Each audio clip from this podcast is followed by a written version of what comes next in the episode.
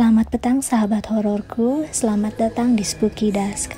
Di sini aku akan menemani waktu petang kalian dengan menceritakan cerita-cerita horor dan aneh yang terinspirasi dari kisah nyata.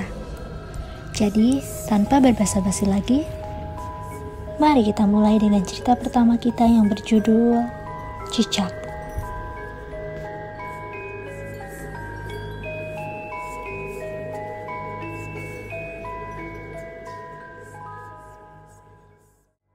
Jadi, ingat ya teman-teman, kalau kalian nanti isi writing section, biasanya di task 1 itu kalian diharuskan mendeskripsikan data berupa tabel atau grafik. Di sini kalian hanya perlu mendeskripsikan fakta-fakta yang ada di datanya aja. Enggak perlu menggunakan kalimat alasan, karena nanti akan mengurangi poin kalian. Kataku menjelaskan, saat ini aku sedang mengajar bahasa Inggris ke kelima orang muridku di rumah Arshana. Yes, Miss. Jawab mereka serempak. Oke, okay, before we continue to the next section, let's take a break. Sambil istirahat, kalian boleh makan, ngobrol, atau ke toilet, bebas. Setelah berkata begitu, aku pun menyelanjurkan kaki untuk merenggangkan otot kaki agar lebih rileks. Miss Manika, karena sekarang udah mau jam 6, ceritain hantu dong, Miss. Sahut Arshana.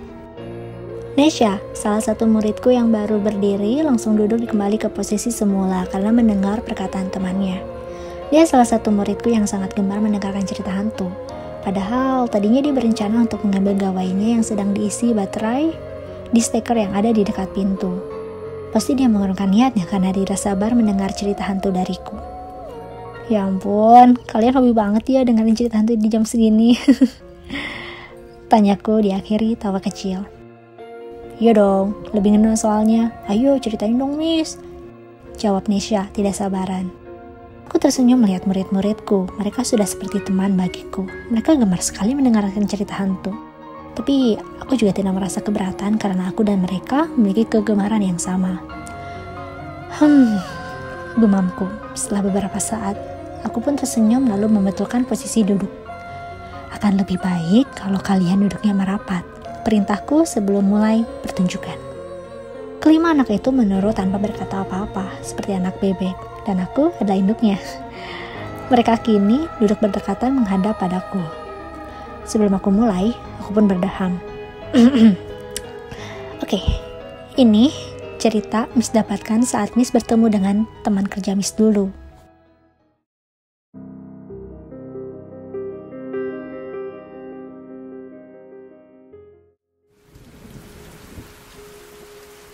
Kisah ini terjadi pada tahun 2014 lalu yang menimpa pada salah satu mahasiswa universitas ternama di kota Bandung. Hujan deras yang sedari sore mengguyur kota Bandung membuat udara menjadi terasa sangat dingin.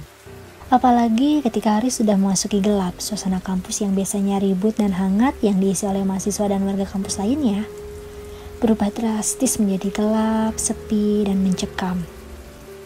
Giandra, Seorang mahasiswa yang sedang menempuh pendidikan magister di kampus ini sedang menggerutu dalam hati karena ingin pulang untuk menghangatkan dirinya di atas kasur yang berbalut selimut yang nyaman di kamarnya. Namun apa daya, tugas yang diembankan Profesor Joniadi padanya menuntutnya untuk diam di ruangan profesor itu hingga dia menyelesaikan tugasnya. Dia tidak bisa menunda pekerjaannya karena Profesor Juniadi meminta agar tugas ini selesai besok sebelum jam istirahat. Sedangkan besok dia memiliki jadwal yang padat untuk mengisi kelas untuk mahasiswa S1. Padahal Profesor Juniadi sendiri sudah pulang satu jam yang lalu. Mungkin sekarang beliau sudah sampai rumahnya dan disambut oleh anak istrinya. Ya, beginilah resiko menjadi seorang asisten profesor. Profesor diibaratkan seorang bos atau atasan di kantor. Dia yang sebagai bawahan hanya bisa menurut dan menunaikan tugasnya. Diandra menghembuskan nafasnya dengan perlahan untuk mengembalikan lagi semangatnya. Ini merupakan jalan yang harus dia lalui demi mencapai tujuannya menjadi seorang dosen di universitas favorit ini. Tubuhnya terasa dingin, padahal AC di ruangan ini sudah dimatikan sedari sore. Dia melihat jam di jam tangannya. Sekarang sudah pukul 9 malam. Pantas saja udaranya terasa sangat dingin. Sudah hampir larut ternyata. Dia tipe yang tidak kuat terhadap udara dingin. Dia pun memutuskan untuk mengambil jaket di dalam mobilnya. Dia bangkit lalu berjalan menuju pintu. Setelah dia berada di luar ruangan, dia lalu mengunci pintu ruang kerja Profesor Joniadi itu. Sebelum dia melangkahkan kakinya, dia melihat koridor di depan matanya. Koridor yang biasa dilaluinya jadi terasa mencekam dan menyeramkan di malam hari. Dia jadi ragu, haruskah dia urungkan niatnya mengambil jaket di dalam mobil? Tapi pekerjaannya mengharuskan dia diam di kampus mungkin sampai satu atau dua jam ke depan. Dia tidak punya pilihan lain. Dia mengangguk, memantapkan dirinya untuk bersikap berani. Dia pun melangkahkan kakinya. Entah kenapa di saat seperti ini, lampu-lampu yang ada di sepanjang koridor ini terasa redup. Tenang, dia mencoba menenangkan hatinya. Tinggal beberapa meter lagi menuju lift. Tapi dia merasa langkah kakinya sangat lambat. Perasaan seperti ada sepasang mata yang memperhatikannya, serta seseorang yang mengikutinya di belakang mengusik hatinya. Untungnya, dia sudah bisa melihat pintu lift di depan sana. Dia pun mencoba melangkah secepat mungkin dan hap! Akhirnya dia berdiri di depan pintu lift, dia tekan tombol lift dan pintu lift pun terbuka. Dia segera masuk ke dalam lift. Sebelum pintu lift menutup, dia melihat koridor yang tadi dilaluinya itu. Sepi, hening, menyeramkan. Dia penasaran apakah di lantai itu dia hanya sendirian atau masih ada beberapa orang lagi yang diam di sana.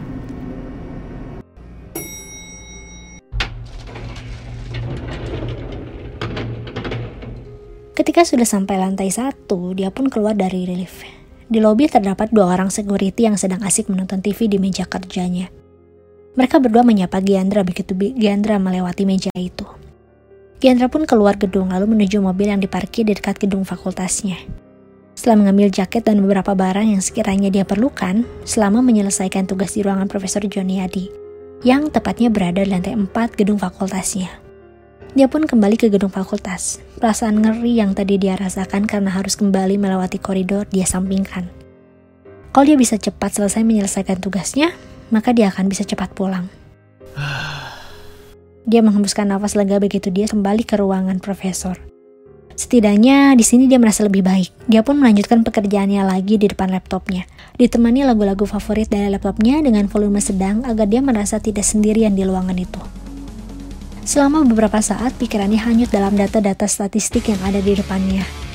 Tangannya sibuk menari-nari di atas tuts-tuts keyboard laptopnya, seperti sedang bermain dengan piano dalam tempo yang sangat cepat. Perasaan takut yang tadi ia rasakan perlahan memudar begitu otaknya mulai kembali aktif bekerja. Saking fokusnya dia bekerja, sampai-sampai dia tidak sadar kalau lagu dalam daftar putarnya sudah berhenti. Hingga saat dia mendengar sebuah suara... Dia seperti mendengar suara cicak. Dia pun sadar bahwa ruangannya sudah kembali hening. Tangannya berhenti mengetik sejenak. Terlintas untuk menyalakan lagu kembali, tapi dia urungkan karena sebentar lagi tugasnya selesai. Tangannya kembali mengetik di atas keyboard. Dia mencoba untuk tidak menghiraukan suara cicak yang dia dengar itu. Dia kembali mendengar suara cicak berdecak. Saking heningnya ruangan itu, dia jadi bisa mendengar suara itu dengan jelas. Dia menggelengkan kepalanya dengan pelan untuk tidak menghiraukan suara itu, lalu kembali fokus pada pekerjaannya. Giandra menggerutkan keningnya dan menghentikan aktivitasnya di atas keyboard laptop. Dia mulai merasa terganggu dengan suara cicak berdecak yang berulang-ulang itu. Dia mengetuk-ketukkan jarinya di atas tuts huruf K dengan pandangan mata yang fokus ke layar laptop, melihat diagram dan tulisan yang sudah dia buat. Giandra menggebrakan meja dengan kedua tangannya, merasa kesal atas gangguan kecil yang disebabkan oleh suara cicak itu. Dia mendengarkan kepalanya ke atas untuk mencari seekor cicak yang telah mengganggu waktu kerjanya. Begitu kagetnya ia saat melihat ke langit-langit ruangan itu. Suara yang dia sangka berasal dari cicak ternyata berasal dari makhluk lain. Sesosok makhluk berbaut kain merah sedang melayang-layang di langit ruangan itu sembari memperhatikan Diandra yang sedari tadi sedang nasik bekerja di depan laptopnya. Diandra membelalakan kedua matanya begitu melihat wajah menyeramkan sosok itu. Sosok itu memiliki kulit yang sangat pucat, rambut hitam lega menjutai panjang sampai kaki, dengan wajah yang sangat menyeramkan. Sosok itu tersenyum menyeringai kepada Diandra dengan garis mulut yang lebar sampai ke pipi karena robek. Bau busuk pun seketika tercium oleh hidungnya. Itu itu ternyata kuntilanak merah.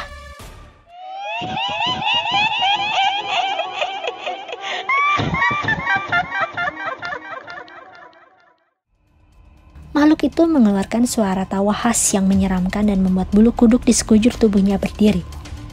Tatapan matanya tajam menyeruak menciupkan nyalinya. Giandra terdiam mematung melihat sosok itu. Dia sungguh ingin beralih keluar meninggalkan ruangan itu. Persetan dengan tugas yang diembankan padanya. Dia sudah tidak peduli lagi. Tapi sialnya, tubuhnya tidak bisa ia gerakan. Seperti tertahan oleh sesuatu. Pada saat seperti ini, sulit baginya untuk mengucapkan doa-doa yang dia ketahui. Lidahnya juga terasa seperti terhalang oleh sesuatu. Keringat dingin mulai mengucur dari pelipisnya. Makhluk itu melenggak-lenggokkan tubuhnya dengan lincah, seperti senang karena telah melahap ketakutan yang dirasakan Giandra. Sesuatu yang ditakutkan Giandra pun terjadi. Dengan perlahan, makhluk itu terbang melayang menghampirinya. Badannya bergetar hebat melihat penampakan yang begitu menyeramkan ini. Makhluk itu mengeluarkan suara seperti cicak lagi. Tatapannya yang tajam dengan warna hitam di sekeliling matanya memerhatikan Gendra dalam jarak yang dekat. Kulit wajahnya sungguh pucat. Makhluk itu masih tersenyum lebar menyeringai. Kepala makhluk itu bergerak ke kiri dan kanan sambil menjulurkan lidahnya yang panjang kepada Gendra. Pada saat ini, Gendra pun tidak sadarkan diri.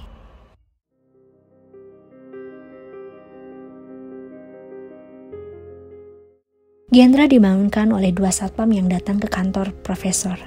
Kedua satpam itu khawatir karena Giandra tak kunjung turun ke bawah. Pada saat dia sadar, waktu sudah menunjukkan pukul 3 pagi. Giandra segera dibawa ke meja security untuk diberikan minuman hangat oleh kedua satpam tersebut. Setelah kondisi Giandra sudah membaik, Giandra pun menceritakan apa yang dialami sebelumnya. Setelah mendengar cerita Giandra, ekspresi kedua satpam itu terlihat tidak kaget. Keduanya saling berpandangan untuk sejenak. Lalu salah satunya menghampiri Giandra dan duduk di sebelah Giandra. Pak Gendra sepertinya belum tahu bahwa di gedung ini ada sebuah peraturan yang tidak tertulis, terutama di lantai 4. Bahwa sebaiknya kita jangan berdiam diri di lantai 4 melebihi pukul 10 malam, karena takutnya Sendeng nampakin diri. Gendra diam tertegun setelah mendengar jawaban dari petugas satpam yang duduk di sampingnya.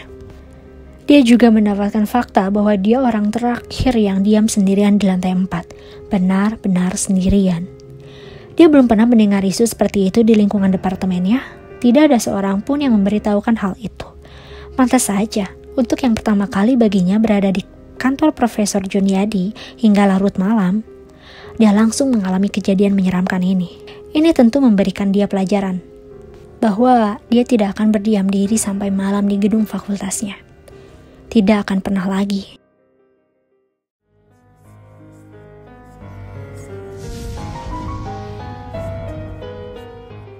Terima kasih sudah mendengarkan cerita ini sampai selesai. Aku harap kalian akan lebih siap menghadapi malam yang mengerikan setelah mendengar cerita Spooky Dusk ini.